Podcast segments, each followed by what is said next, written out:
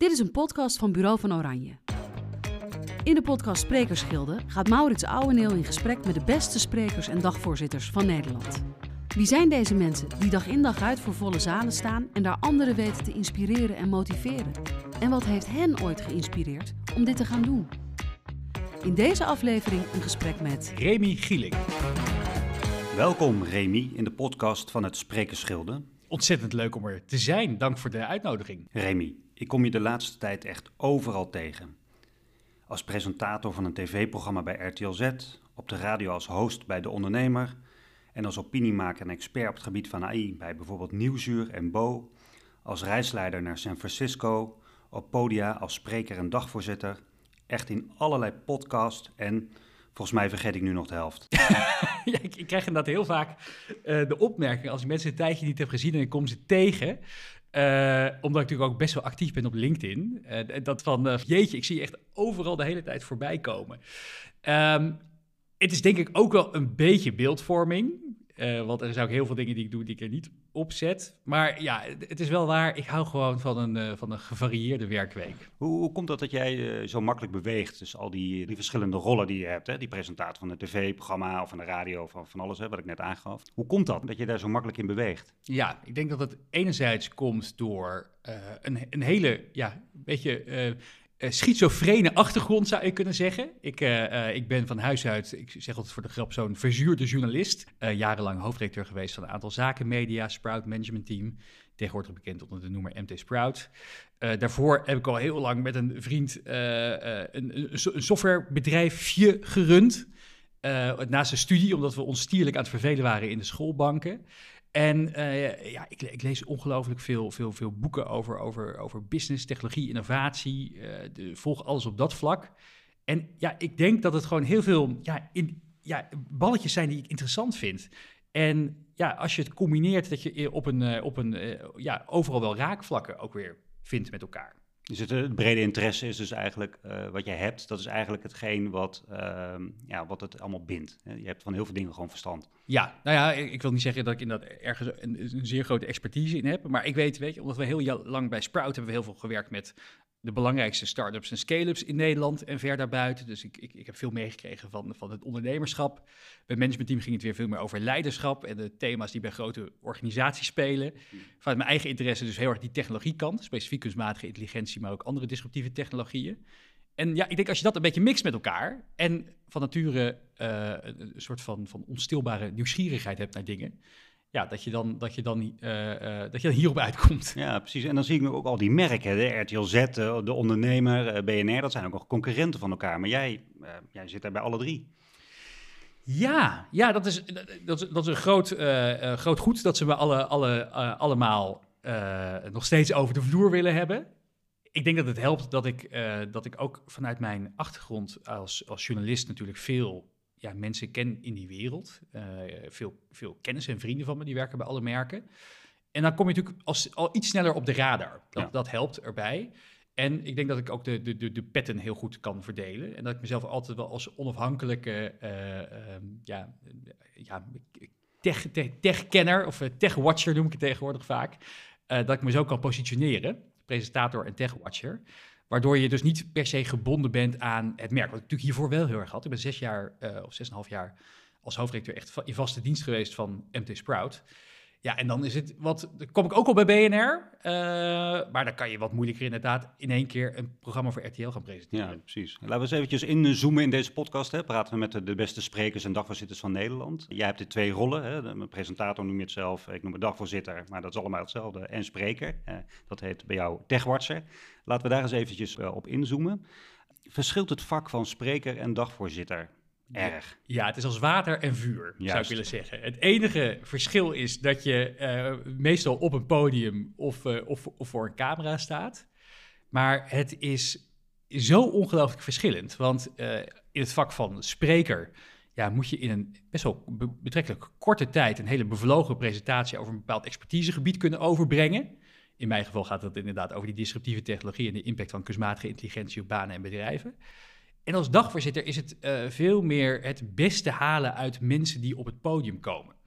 En wat je vaak hebt bij evenementen of bij webinars, is dat er een aantal ja, uh, begenadigd sprekers tussen zitten. Nou, die kunnen inderdaad een heel goed verhaal houden. Maar je hebt ook heel vaak mensen die niet zo vaak op het podium staan. En het is best wel, uh, een, een, het is best wel een kunst om uit die mensen, die het vaak ook ongelooflijk spannend vinden om voor die groepen te staan, wat ook logisch is, als je dat niet, uh, als je dat niet op ba dagelijkse basis doet, dan zitten allemaal van die oogjes naar je te turen, mm -hmm. verwachtingsvol. Um, ja, om daar dan toch de beste kennis uit te halen en de juiste flow in zo'n programma te houden en op de tijd te letten. Dus het, het is echt een vak apart. Ik word ook wel eens gevraagd om het beide te doen. Uh, dus uh, om, om zowel een lezing te geven als het dagvoorzitterschap te doen. Ik raad het wel opdrachtgevers vaak af. In, in dezelfde setting bedoel je, op dezelfde dag? Dus ja, ja, ja. ja, precies. Ja. En dat, dat, dat voelt heel vreemd. Dat je als, als eerste instantie als, uh, als, als uh, de, de, de inhoudelijke kenner wat Mhm. komt vertellen. Ja. En vervolgens weer die onafhankelijke rol moet nemen. ja, om dan achteraf nog even een plaster overheen te doen eigenlijk. Hè? Ja. Dat is natuurlijk lastig. Eh, Ja, d- Dat, dat, eh, dat, ik denk dat het voornamelijk, als ik, als ik het altijd, ik probeer altijd dingen te bekijken van, oké, hoe ervaart een publiek dit, wat, eh, wat er nu gebeurt? Ik denk dat dat, dat het heel een beetje vreemd aanvoelt. Hey, wat is eigenlijk jouw definitie van een goede spreker? Een goede spreker is in staat om, ehm, om, om eh, inhoud en om de juiste balans te vinden tussen inhoud en vorm. Je hebt mensen die enorm inhoudelijk ergens heel veel verstand van hebben, maar die slaan de plank volledig mis als het gaat over, over, over de vorm waarmee je het brengt, waardoor je totaal het contact met het publiek kwijtraakt. En ze eh, ja, niet, weet, niet weet te inspireren om te, blijven, om te blijven kijken en luisteren. En tegelijkertijd heb je ook een hele hoop mensen die een ongelooflijk bevlogen verhaal kunnen, kunnen houden. Waarvan mensen met, met, met open mond, bij wijze van spreken, aan het, aan het luisteren zijn. Maar als je daar achteraf aan het, aan het, eh, er eigenlijk even over nadenkt met elkaar. Of als je even een, eh, een kritische noot daarbij probeert aan te brengen. Dat, ze, eh, dat, dat dan eigenlijk de, de, de, de, de, hete luchtballon die zojuist flink is opgeblazen. in één keer uiteen spat. Ik ken wel een paar namen. Ik eh, durf ook wel een paar te noemen. Het zit vaak in de, en daar gaan we misschien zo meteen eens even over hebben, in de, in de richting van de, de, de, de, de, de beroemde trendwatchers. Ehm, en voor mij een hele goede spreker, die kan dus zowel die inhoud als die vorm heel goed combineren. En eh, een, een, een, leuk, ehm, eh, een leuk voorbeeld is misschien dat ik recentelijk bij de School of Life een programma heb gevolgd, filosofie in vogelvlucht. Eh, tien, tien cursusavonden remote van een filosoof, Lammert Kamphuis heet hij geloof ik. En ja, die man die kan zowel, eh, die kan dus tien uur lang heel bevlogen presenteren, maar ook nog met heel veel goede inhoud. Nou, en dan, dan weet je mij wel echt te raken. Ja, dat is, eh, dat is mooi. En, en van dagvoorzitter, wat is daar je definitie van? Je gaf er straks al even wat aan. Hè? Je moet dingen goed kunnen samenvatten, je moet goed kunnen luisteren. Eh, sprekers zijn van nature niet echt luisteraars. Maar dat is dan een kwaliteit die je wel moet aanspreken om dat ook nog een keer te kunnen. Ja, en ik denk dat, dat, ehm, ik denk dat, daar twee, dat er twee smaken zijn bij dagvoorzitters. Ik denk dat er hele goede generalistische interviewers zijn. En dat bedoel ik met de meeste respect voor het vak wat er dan maar ook is. Maar mensen met wie jij ook heel veel samenwerkte. Humberto's, de Jinex. Mensen die gewoon ontzettend goed zo'n talkshowtafelgesprek kunnen voeren. En die zijn dan ook vaak wel heel goed in staat om zo'n programma op zo'n, eh, op dag zelf te leiden. Want dat is eigenlijk een beetje eh, eh, een soort, soort van mooie bonus erbij. En je hebt een aantal dagvoorzitters, ehm, en daar probeer ik mezelf een beetje onder te scharen, ehm, die meer ook een inhoudelijk component toevoegen. Dus ik heb voor mezelf in elk geval gezegd dat ik eigenlijk geen programma's of ehm, eh, evenementen, podcasts meer wil doen als er geen innovatie- en technologiecomponent aan zit. Omdat ik gewoon merk dat daar, dat daar enerzijds mijn eigen interesse ligt, maar dat ik daar ook echt iets kan bijdragen. Dus ik had laatst ook dat er een, iemand belde. Ik zei, nou ja, volgens mij ben je hier, kan je hier ook prima met een wat meer generalistische dagvoorzitter uit de voeten. Ehm, dan kan je misschien ook een hele bekende naam inhuren. Eh, dat helpt ook weer voor de promotie van het event. Eh, en ik wil me echt wel profileren op het vlak van, eh, als ik dan ergens als dagvoorzitter-presentator sta, dat ik ook die inhoudelijke verdiepingsslag kan maken, zonder dat het technisch wordt. Dus de, de inhoud moet altijd voor een breed publiek wel toegankelijk blijven. Kun je ons eens meenemen naar de, de eerste lezing waar jij ooit een factuur voor kon sturen? Of Ja. dagvoorzitterschap, dat is bij jou natuurlijk altijd even, loopt dat door elkaar? Ja, en het mooie is, daar was jij gewoon bij, Maurits. Dat was volgens mij dat ik, ik was niet zo lang betrokken bij, bij, ehm, bij Sprout en later het managementteam. Maar die hadden eh, een evenement georganiseerd in ja, een, een gloednieuw pand op Schiphol. Oh, ja, Het ja, heet, ja. ja. het- het best- bestaat nog steeds. Het de heet- Base, De Base, de Ja. Base. En dat- was toen net, nou het was nog niet eens geopend, want ik weet nog wel, eh, de, de, de schilders liepen daar gewoon, die liepen daar gewoon rond. En volgens mij moesten de tussenmuren er nog in worden, in worden gezet. Dus wij zaten in een grote, ja, soort eh, kale loods omringd door beton. Ja, alles moest omhoog met liften. eh, het Ja. was, het was, alles moest ingericht worden. Er was eigenlijk helemaal niks. Nee, een was betonnen ge- vloer. eh, Het ja. was- was gelukkig een of ander stroompunt wat we konden gebruiken. En ik weet nog wel, we ke- we keken een beetje uit op die, op die, op die Schipholtoren op, op de achtergrond. En daar op het podium, ik weet niet meer helemaal wat de aanleiding was, maar eh, eh, was, was, was Koos Hendricks, de oprichter van Snow World. Hij was ook eh, een van de. Hij stond voor mij op de cover van, van Sprout Magazine, was de, wat, wat, wat destijds nog werd, werd gepubliceerd, iedere, iedere maand. Hm. En Koos, eh, eh, ja, die had een heel bijzonder ondernemersverhaal. Die, eh, die, die heeft natuurlijk meerdere van die, van, van, van, van, die, van die sneeuwhallen opgericht. Maar die, kwam ook, die heeft ook jarenlang moeten strijden tegen allerlei gemeentes en, en, en mensen die, die de uitbreiding van die hallen wilden tegenhouden. Dus ja, echt een ondernemersverhaal met, met grote hoogtes en diepe dalen, ook, ook op persoonlijk vlak. En ik was voor mij gevraagd om daar de boel aan elkaar te praten. Ja, wat kreeg je daar toen voor? Is dat een fles wijn? Is dat een, een boekenbon? Ik weet dat niet eens meer. Ik denk dat het inderdaad, het, het, het, zal, het zal in die richting geweest zijn. Misschien, misschien, mijn, misschien mijn toenmalige dagtarief, wat, wat volgens mij 250 euro was. Kijk, dat is Eh, nog iets meer dan een warme handdruk. En, Eh, en dat was een warme handdruk. En, maar dat is wel iets wat, wat, mij, eh, wat mij denk ik heeft geholpen in mijn carrière. Is omdat ik natuurlijk de hoofdredacteur was van Sprout, een managementteam, werd ik vaak gevraagd voor kleine evenementen om het aan elkaar te praten. En dat was toch in mijn werktijd. Dus ik heb dat heel veel pro bono gedaan. Ja, we hebben ook op Eh, die manier eh, heel veel samengewerkt. En ik, ik weet nog wel dat bij heel veel borrels eh, eh, jouw toenmalige baas eh, Ewald Smits eh, zei... Remy is onze parel, dat is onze nieuwe, het is eigenlijk de nieuwe Jort Kelder. Ja, ja, grappig. Dat, eh, dat, eh, eh, dat, dat stempel werd inderdaad destijds heel veel gegeven. Uiteindelijk is hij, denk ik, heel kundig. Ehm, eh, is die handschoen heel kundig opgepakt door Sander Schimmelpenning. Eh, dus dat, dat, dat, ik, ik, ben, ik ben toch een iets andere richting uitgegaan uiteindelijk. Maar toen li- lagen alle opties nog op tafel. Ja, Maar dat, dat, eh, ik word heel vaak gevraagd door mensen van... Hè, eh, ja, ik wil ook graag spreker worden... of ik wil ook graag dagvoorzitterschap, dagvoorzitterschappen doen. Kan je mij helpen op de landelijke podia te komen? En ik geloof dat hè, onze grote kennis Hans Jansen van Denkproductie... die krijgt die vraag ook. Veel van mensen die bij hem aan de Zeker, deur kloppen... om op een menige event te spreken. En ja, ik, het voelt toch altijd een beetje alsof je... ehm, eh, en dit is een beetje een scheve vergelijking... maar ik vind het toch alsof je van, het, eh, eh, van, van, van, het, van, je, van je voetbalveldje bij jou om de hoek... gelijk, gelijk in, de, in, in, in de wedstrijd in de arena wil gaan spelen. En ik, ik wil niet zeggen dat, dat, ik, dat ik op dat niveau meedoe... maar om dit goed te kunnen doen... moet je gewoon heel erg veel uren ervaring hebben. ja, meters maken. En dat heb jij natuurlijk Heel wel kunnen doen bij, eh bij, bij managementteam hè, en bij Sprout. Hè. De Ja. labels zijn nu, nu samengevoegd. Eh, nou ja, dat geeft je natuurlijk een enorme ehm, ehm, eh, voorsprong met alle presentatiedingen die je eigenlijk nu doet en alle spreekdingen die je nu doet. Ja, dus het- Ehm, dat, dat, dat is eigenlijk mijn ja. advies, weet je wel. Ja. aan, aan, aan mensen die dit graag die dit ambiëren. Ja, ga maar gewoon meters maken. En dan is Ja. de vraag, ja, hoe dan? Nou, organiseer misschien zelf een keer een event. Of huur een zaaltje af. Of begin een podcast. Of er zijn natuurlijk... eh, ga, ga, mensen interviewen op YouTube. Of eh, ga je verhaal op, op, op eh, bepaalde plekken, plekken delen.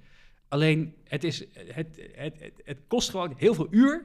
Ja. En het lijkt soms, zoals met heel veel dingen in het leven, dat, dat, dat, dat succes gewoon maar een, een, puntje van, van A naar B is. Maar dat, Er zit dat- een hele lange, lange weg tussen, zeg maar. Ja, laten we even inzoomen. Je noemde net even van, joh, ik ben een andere weg ingeslagen. Nee, ik stond daar dichtbij. Je hebt op redelijk, eh, een aantal jaren geleden heb je redelijk geïnvesteerd om eh, een bepaalde website in bezit te krijgen. Ja. AI.nl. ja. Je hebt daar je bedrijf voor opgericht. Je hebt eigenlijk je baan daar ook voor opgezet. Ja, Eh, je zeker. bent van alles eh, nog wat gaan doen. En wat ik me zat te bedenken toen jij eh, toen ook tegen mij vertelde van joh, ik ga met het onderwerp AI aan de slag. dat voelde voor mij nog een beetje ja, ver weg show. Hè? Ja. Ik, ik zeg altijd zo, ik heb journalistiek gestudeerd. toen, toen, toen ik, zo oud ben ik al, toen ontstond eigenlijk internet. En eh, ik weet nog wel dat de docent zei, eh teletext dat bestaat over een paar jaar niet meer. Ehm, nou ja, teletext is nog steeds een app op de iPhone. Eh, dus, dus alle innovaties die, die plaatsvinden, heb ik altijd zoiets van, joh, zolang teletext nog op de iPhone bestaat, wil ik het nog wel eens zien. Maar jij bent eigenlijk best wel vroeg hiermee begonnen. En Ja. ik heb pas het idee dat sinds het uitkomen zeg maar, van ChatGPT, Ja, dat eigenlijk voor iedereen heel veel ogen zijn opengegaan. ja, Ja, want inderdaad, onder, de, onder het oppervlakte was kunstmatige intelligentie al, natuurlijk al, al langer een belangrijk onderdeel van, uh, van, van, van, van, van ja, de ontwikkelingen die er gaande zijn. We hebben tegenwoordig uh, nou, een drietal zelfrijdende taxidiensten die gewoon rondrijden in San Francisco. We hebben uh, een simpele Google search, was natuurlijk ook niet mogelijk geweest zonder hele complexe algoritmes op de achtergrond. Maar ja. het was vaak heel erg onder het oppervlakte. En zeker in Nederland een beetje ver van onze bedshow. En ja, dat ChatGPT heeft wat dat betreft echt ja, de, de ogen van iedereen geopend. Dat zeg je goed. Het grappige is ook dat we toen we die recente ondernemersreis hebben georganiseerd naar San Francisco en Seattle, toen gingen wij langs bij OpenAI, het bedrijf wat ChatGPT heeft ontwikkeld. En dat was nog voor de, dat was nog een paar weken voor die, voor die, voor die, voor die ja, coming out. Ja, voor die coming out van dat, van dat, van dat systeem. En ik weet nog wel dat heel veel mensen die mee waren, zoiets hadden van, OpenAI, waar gaan we nou heen, weet je wel. Ik, ik was echt mega enthousiast, omdat ik al een beetje het vermoeden had wat dit zou kunnen gaan doen. Uh, maar ik had niet gedacht dat het zo snel zou gaan. Maar voelt het misschien ook een beetje als een overwinning? Want je hebt ook al een keer een boek geschreven. Je hebt best wel uh, veel bedrijven eigenlijk al belicht hè, die in Nederland gebruik maken ja. van AI. En eigenlijk is het dan door dat het heel zichtbaar wordt met zo'n nieuwe tool, hè, met, uh, met, met, met ChatGPT, dat mensen dan ja, ook bestaat dus echt. En dan ja. pas zich realiseren wat eigenlijk onder heel veel motorkappen zit van bedrijven. Ja, nou, en dat, je noemde het net al eventjes. Ik heb natuurlijk een flinke investering gedaan in AI.nl. Ik, uh, uh, en, en, en menig persoon in de afgelopen jaren, die, uh, die, die, die was daar ook al af en toe een beetje nou, op, op, op, een positieve manier lichtelijk smalend over. Van, van wat heb jij nou weer gedaan? Weet je wel, heb jij nou je, je, je Welke persoon was dat? dus waren er meerdere. Oh, waren er meerdere. waren, waren er meerdere. Ze waren met velen. Ja, ja. dus ik, ik, had echt de, ik, ik, had destijds mijn huis verkocht en ik had de overwaarde daarvan in die domeinnaam gestopt. Het was een, een, een, een ja, mooi aangeklede Tesla Model 3, zeg ik altijd maar, of, of een domein. Maar ik denk dat iedereen nu wel. Ik, ik kreeg laatst een appje inderdaad van een van die personen. Uh, die zei van uh, ja, dit, dit heb je echt. Uh, dit, dit ga je echt. Ja, het is nu de tijd om het kunnen. Ja, om het kwijt kunnen ooit. Je gaat het nu verzilveren. Dat is eigenlijk. Ja. Maar ik bedoel, je gaat het verzilveren met je bedrijf. met, met alles wat, wat de toekomst gaat brengen. Ja, en dan misschien ook leuk om daar even de gedachtegang van te maken. Um, in mijn tijd bij Sprout zag ik dus die opkomst van kunstmatige intelligentie. Ik hoorde tenminste op een gegeven moment, ik denk dat het een beetje het moment voor mij was, dat ik dacht, oh ja, dit, dit wordt echt groot.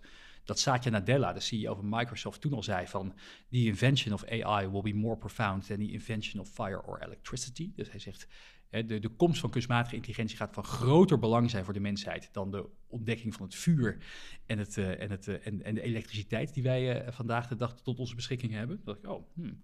Hoe werkt dat dan eigenlijk? Want ik, ik snapte eigenlijk niet zo goed hoe die systemen werkten. Hoe kunnen computers leren van data? Wat kunnen we er allemaal mee? Dus op dat moment heb ik besloten om in de serie die we toen al uitgaven, een boekenserie voor Sprout, 40 experts te interviewen. Daar heb ik drie maanden voor genomen. Ik heb uh, een maand gepakt om alle onderwerpen te bedenken en de experts te vinden. Ik heb een maand gepakt om al die experts te interviewen. En ik heb een maand gepakt om dat boek te schrijven. Um, en toen dacht ik wel van, oké, als ik, als, ik vind het zo interessant als ik mijn, ik wil niet tot in de eeuwigheid hoofdredacteur blijven. Um, ik wil eigenlijk hier meer mee, mee doen. Dus toen heb ik de domeinnaam gekocht en eigenlijk vanaf daar is het balletje gaan rollen. Is het balletje gaan rollen. En, en, als je nu op podia staat, hè, wat, wat, wat vind je belangrijk dat mensen van jouw lezing, of uh, ja, laten we even op lezing concentreren, op jouw lezing eigenlijk meenemen? Ja, ik denk dat, het, dat, het, dat drie elementen belangrijk zijn. Eén, de urgentie. De ontwikkelingen gaan razendsnel. En dat is ook een beetje een dooddoener, want dat wordt ook al, al 100 jaar beweerd inderdaad door iedere trendwatcher die, eh, die, eh, eh, die, die je maar kan tegenkomen in het wild. Maar de ontwikkelingen van kunstmatige intelligentie gaan echt heel erg snel. Ik krijg iedere dag, nou, ik heb een aparte mailbox ervoor, maar ik krijg iets van 60 tot 70 nieuwsbrieven die alleen maar al over dit onderwerp gaan. En die overlappen een beetje, maar er zit, iedere dag zit er wel weer iets van innovaties in of vernieuwing ook die, ja, de, de technologie achter ChatGPT. Grappig om te bedenken, we hadden in 1966 die eerste chatbot, Eliza. En het heeft dus tot 2023 gekost om uh, een chatbot te maken die een beetje à la menselijke maatstaven kan, kan, kan antwoorden. Okay. Maar de technologie daarachter, die is, pas, die is pas ontwikkeld in 2018. Dus dat is heel erg snel gegaan. Okay, dat ja. is de, de, de, fundamentele technologie daarachter 2018. Dus dat is de laatste jaren heeft dat een enorme vlucht genomen. Dus één, de urgentie, maar we zien het vaak niet in Nederland. Want het gaat, het gaat hier best wel goed eigenlijk. Dus de, de, de noodzaak voor grote innovaties is hier vaak niet. Uh, dus, dus uh, en ik zeg altijd, als, als we niet investeren daarin, dan doet de concurrent in China of de VS het wel. Dus het is echt, ik, ik, ik geloof wel echt dat het een grote missie is. Oké, wil Europa, willen wij in Nederland onze ziekenhuizen en musea kunnen betalen in 2030, 2040? Dan moeten we vandaag de dag echt wel aan de bak om alle bedrijven hiermee te leren laten werken. precies, dus de urgentie is, is belangrijk. Twee is, ehm, hè, wat, wat voor impact heeft het dan ook voor jou als persoon? Uh, is ook wat heel veel, ja, elke, elke, technologische revolutie heeft ook heel veel angst met zich meegebracht. En er is ook wel onderzoek geweest van PR-bureau Edelman onder 30.000 professionals. Die zeiden, nou, ik geloof meer dan 60%, die gaven aan dat ze de ontwikkelingen rondom technologie ook wel een beetje spannend vinden. En ik denk dat met angst ook een soort, altijd een soort van anti-reactie kwam. Je zag het ook met ChatGPT. Er waren allemaal mensen die zeiden van nee, dat gaat niks worden. En uh, kijk, dit kan dit niet en dat kan dit niet. Heel veel, heel, heel veel sceptisch. Um, maar ik probeer dus ook een beetje de, ja, de link te leggen dat het juist heel erg veel kan betekenen voor je werk. Het kan, het kan juist hele saaie, saaie repetitieve taken automatiseren. Ik, houd een lijst met allemaal AI-tools bij. Um, uh, die, gewoon, waar je gewoon, uh, die gewoon of gratis kan gebruiken of voor een paar dollar per maand. Dan hoef je geen enkele technische kennis van te maken. En dan kan AI vandaag de dag al jouw werk een beetje leuker, beter en makkelijker maken. Dus stel je voor, je wil de, deze podcast ook als artikel uitbrengen. Ja, dan kan je het handmatig allemaal gaan natikken. Maar er zijn ook heel veel tools die dat gewoon voor je doen. Um, dus dat is twee, hè, de, impact voor, voor jouw persoon, maar ook dat het dus vooral um, zinvol is om je erin te verdiepen, omdat het je veel kan brengen. En ik denk drie, um, om mensen te laten nadenken over de organisatie van de toekomst. Dus Amazon, ja, die heeft eigenlijk, geloof ik, al rond het jaar 2002 bedacht dat ze zoveel mogelijk, of zo niet alles mogelijk willen kunnen automatiseren in het bedrijf. Dus hebben ongeveer al twintig jaar zijn ze bezig.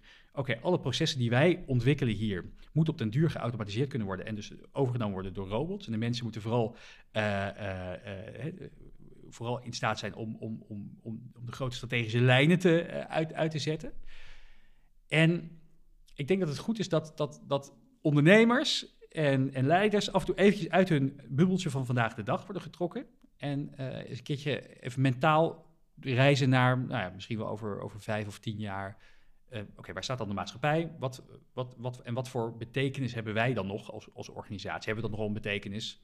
Uh, en, en, en, en je daar gaan terugredeneren, oké, wat is de route die we vandaag de dag moeten gaan nemen? Ja, precies. Ja. Hey, wat, hoe belangrijk is het krijgen van applaus voor jou? Oh ja, het is wel, het is wel prettig voor je ego. Vertel eens. Ja, ik denk dat het altijd, eh, dat iedereen het leuk vindt om een compliment te ontvangen. Of te horen dat, dat, dat, dat iets wat je doet, dat dat, dat, dat zinvol is geweest en impact heeft. En um, ik heb ook wel eens een keer gehad dat je bij een lezing wegging en dat je, dat je toch een beetje het gevoel had van, nou, ik weet niet, weet niet of dit nou heel erg aansloeg. Of een keer dat je dan vraagt naar een opdrachtgever en die zegt, ja, was wel oké. Het gebeurde gelukkig niet vaak, maar af en toe wel. En dan denk je, ja, dat, dat is toch. Het voelt gewoon een beetje zinloos. Het voelt, het voelt niet echt als een hele zinvolle tijdsbesteding. En ik denk dat dat. Um, ik denk dat het uiteindelijk. Um, uh, het, het, het, is denk ik belangrijk. Ik denk dat het een soort kortstondige dopamine boost geeft. Tegelijkertijd, ik denk dat veel sprekers en, en, en, en, en mensen die veel op podia staan ook wel kunnen herkennen. Dat het ook wel. Dat, dat, dat, dat het ook weer heel snel weg hebt. dat je, sta je op zo'n groot podium uh, ergens in het land. En dan s'avonds zit je toch in je eentje op je hotelkamer.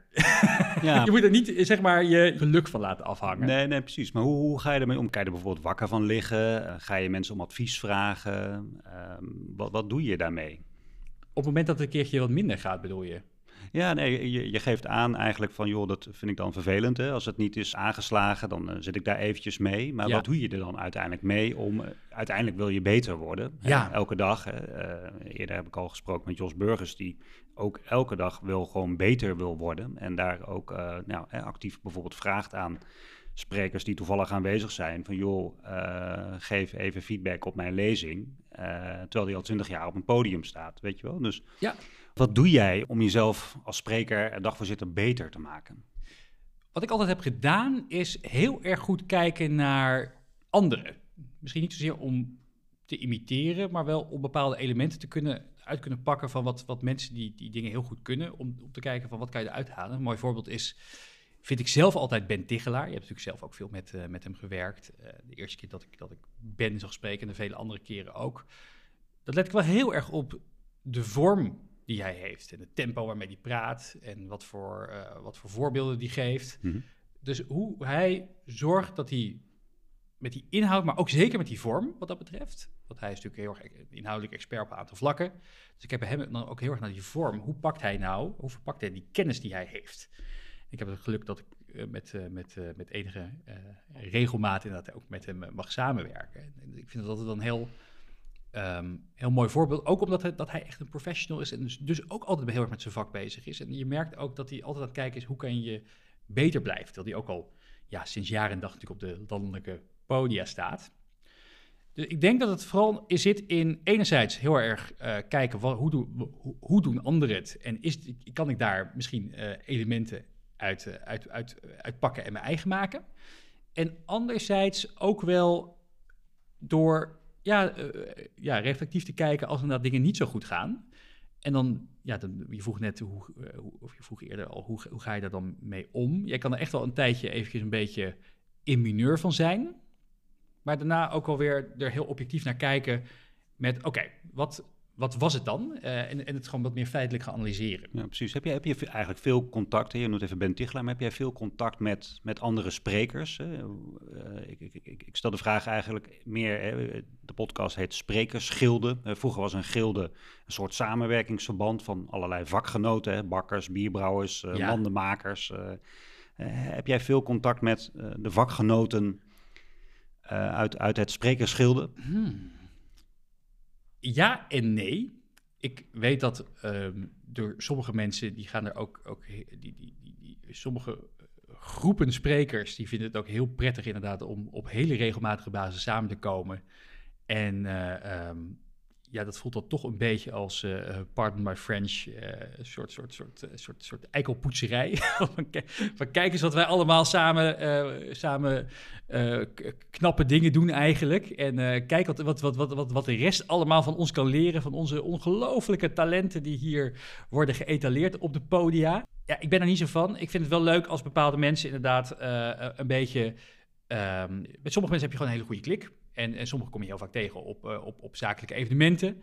Uh, dus, dus die spreek je dan niet zozeer uh, buiten de evenementenwereld om. Maar als je dan iemand tegenkomt, hè, Ronnie Overgoor, ontzettend altijd leuk om even weer bij te praten, kijken hoe het gaat, wat hij mee bezig is.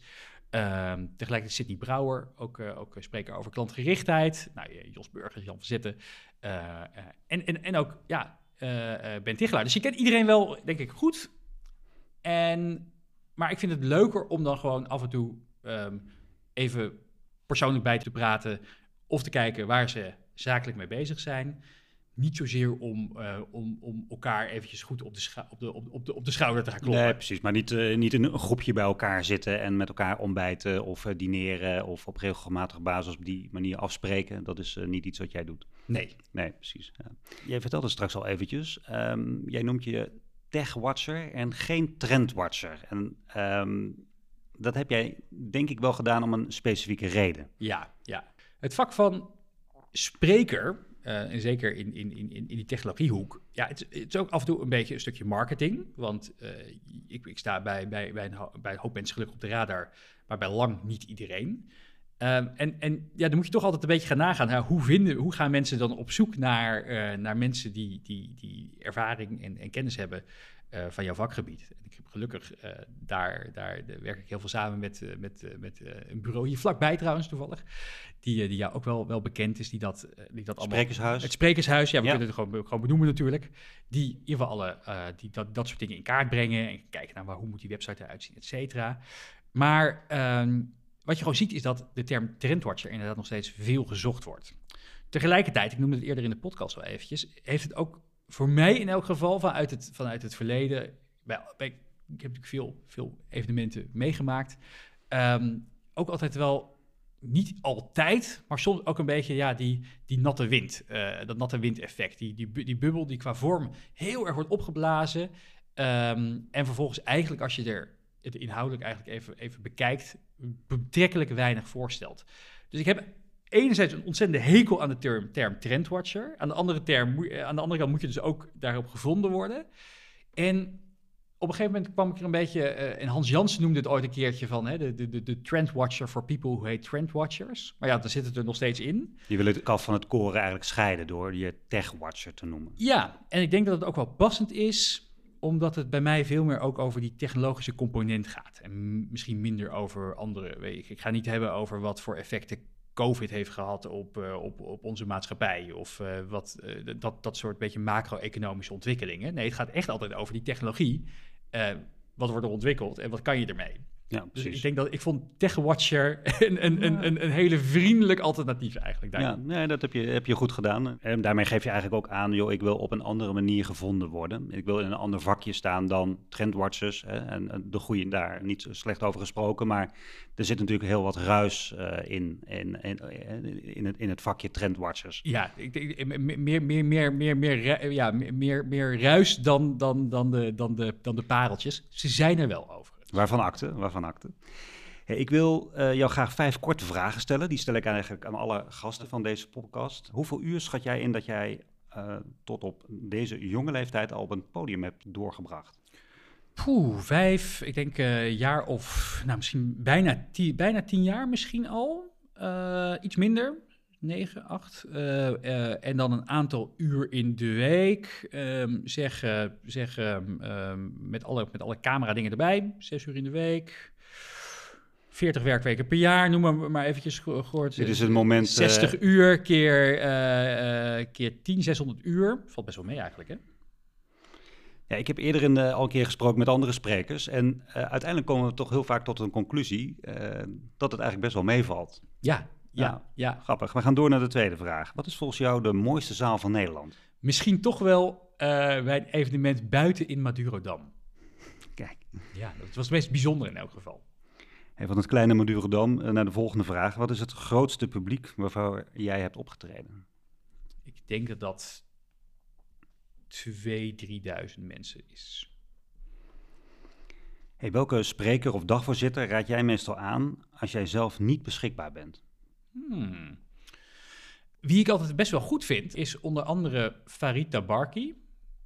Die kan op een hele mooie manier, ja, toch, al, toch maar op een hele inhoudelijke manier, die ook nog met een goede vorm is, die, die wat meer macro-economische trends eh, analyseren.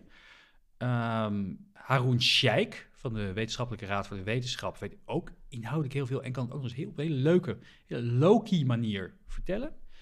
En ja, eh, de, de, de- Ronnie is ook gewoon nog steeds natuurlijk. Ronnie eh, Overgoor. Ronnie Overgoor is nog Ja. steeds gewoon een ontzettend goede. En ja, met, met, met, met, met de, en de usual suspects. Maar ja, dat. dat ehm, ik, ik, ik denk dat als mensen inderdaad op zoek zijn naar een Ben Tichelaar of een Jan van Zetten of een Jos Burgers, dat ze daar ook vanzelf wel uitkomen. Precies, ja.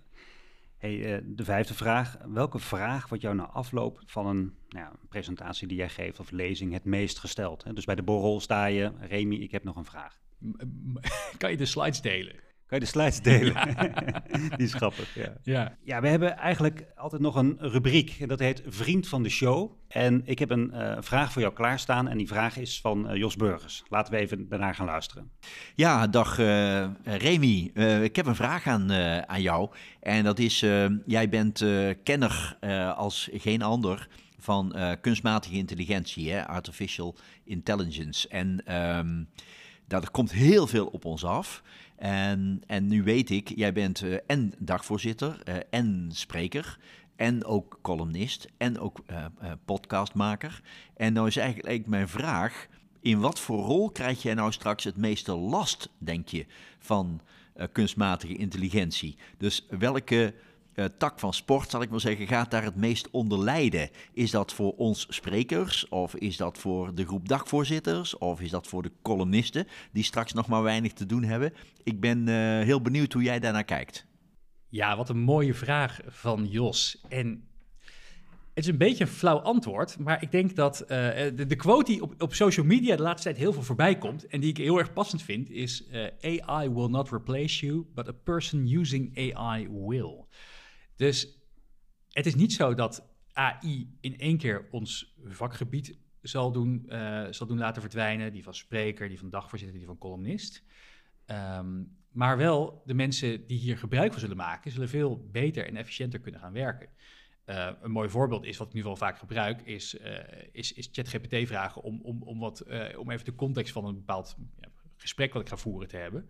En bedenk eens, geef eens is, is, is 12 creatieve, inhoudelijke, scherpe vraagsuggesties. En er zit altijd wel één of twee tussen waar ik denk, oh, dat, dat is grappig, daar kunnen, die kunnen we gebruiken in ons, in ons gesprek voor columnisten is het weer heel handig om je column even in te voeren in zo'n chatbot en te vragen: goh, wat zijn de, wat zijn de contra-argumenten die je hier nog op kan verzinnen? dus wat, wat kunnen mensen voor andere ideeën hierbij hebben? En dat geeft vaak heel veel inspiratie waarvan je denkt: oh ja, het is een beetje een blinde vlek geweest in mijn stuk. Hier moet ik misschien nog antwoord op geven op deze vraag. En ik denk dat op al die punten ja, AI een deel gaat, gaat ondersteunen. En ja, als, als, als je ja, gewoon blijft doen wat je doet, dan zou je op zich denk ik ook nog wel uh, werk blijven houden. Maar ik denk dat je veel beter en efficiënter en leuker kan werken als je het wel omarmt, deze technologie. Wat staat er bij jou op jouw bucketlist om als uh, spreker of dagvoorzitter uh, te bereiken? Als spreker of dagvoorzitter. Nou, allereerst, wat, wat, wat al jarenlang op mijn bucketlist stond, was uh, het organiseren van, van, zo'n, van, van die inspiratiereizen. Hè? Dus dat je echt met een groep gelijkgestemde, uh, in dit geval hele seasoned tech-ondernemers en investeerders, langs gaat bij die bedrijven die echt voorop lopen in deze technologie. Nou, in november waren we dus bij Microsoft, Google, Amazon, uh, Tesla. Iemand van Tesla hadden we gesproken, een Nederlander die daar het, een van de AI-teams leidt. Um, OpenAI, nou, twintig bedrijven in de week bezocht. Nou, dat, dat wilde ik echt al jarenlang een keer doen. Um, en, het, en samen met een aantal partners is het dus ook wel echt ons gelukt om dat te gaan doen. En dat gaan we dit jaar gelukkig, als, als het ons gegund is, weer. Gaan we weer, eh, gaan we weer, eh, gaan we weer op pad. En dat was echt een van de. Uh, dat, dat, dat was iets van. van jeetje, wat, wat, wat, het, het, het, het is wat je, klinkt een beetje stom, maar het was alles wat je hoopte en meer, inhoudelijk gezien en qua, en, qua vorm. Wat er nog op mijn bucketlist zou staan, is um, om, om, om um, er is één locatie in Nederland en uh, Xander Kranenborg, die ook uh, onder meer producent is van heel veel grootste evenementen, NextWeb doet hij al jaren, um, en we zijn aan het bekokstoven om daar samen een event te gaan organiseren ooit een keer over, over dit thema. Dat staat misschien nog wel op mijn bucketlist. Ik heb eigenlijk één vraag. Wat is de belangrijkste les die je tot nu toe hebt geleerd in al die jaren dat jij nu bezig bent? Ik vind de quote altijd van Bob Dylan, The times they are changing. Zeker, ja. Uh, ik denk dat dat toch wel de rode draad is. De verandering is van alle tijden. Het, het blijft maar komen en, en, en het, het, het, voelt vaak heel ongemakkelijk, want wij mensen zijn nou eenmaal vinden, voelen ons prettig bij de, bij de status quo. Um, ja, ik, ik, ik, ik, vind die quote, the, times they are changing, een van de mooiste. Uh, die, die, die, verandering blijft en komt eraan. Hij gaat alleen ietsjes sneller en heeft iets meer impact zakelijk vlak dan, dan voorheen. Dus blijf je interesseren. En dat is ook wel wat. Ik, ik had vorig jaar het genoegen om Yuval Harari te interviewen bij het Amsterdam Business Forum. En um, een van de dingen die hij daar ook zei, inderdaad, is dat wil je in de toekomst ja, relevant blijven op de arbeidsmarkt, dan is niet zozeer de vraag hè, wat, voor, wat, voor, wat, voor, wat voor skill heb je, maar vooral de vraag: ben je in staat om continu jezelf opnieuw uit te vinden? En, um, uh, en dus ook misschien af en toe wel eens de, de, de schepen achter je te verbranden. Ja, ik denk dat dat ook een paar keer in mijn carrière uh, is gebeurd. En uiteindelijk brengt het je ook wel heel veel. Remy, super bedankt voor dit gesprek. Dankjewel, Maurits. Dit was een podcast van Bureau van Oranje.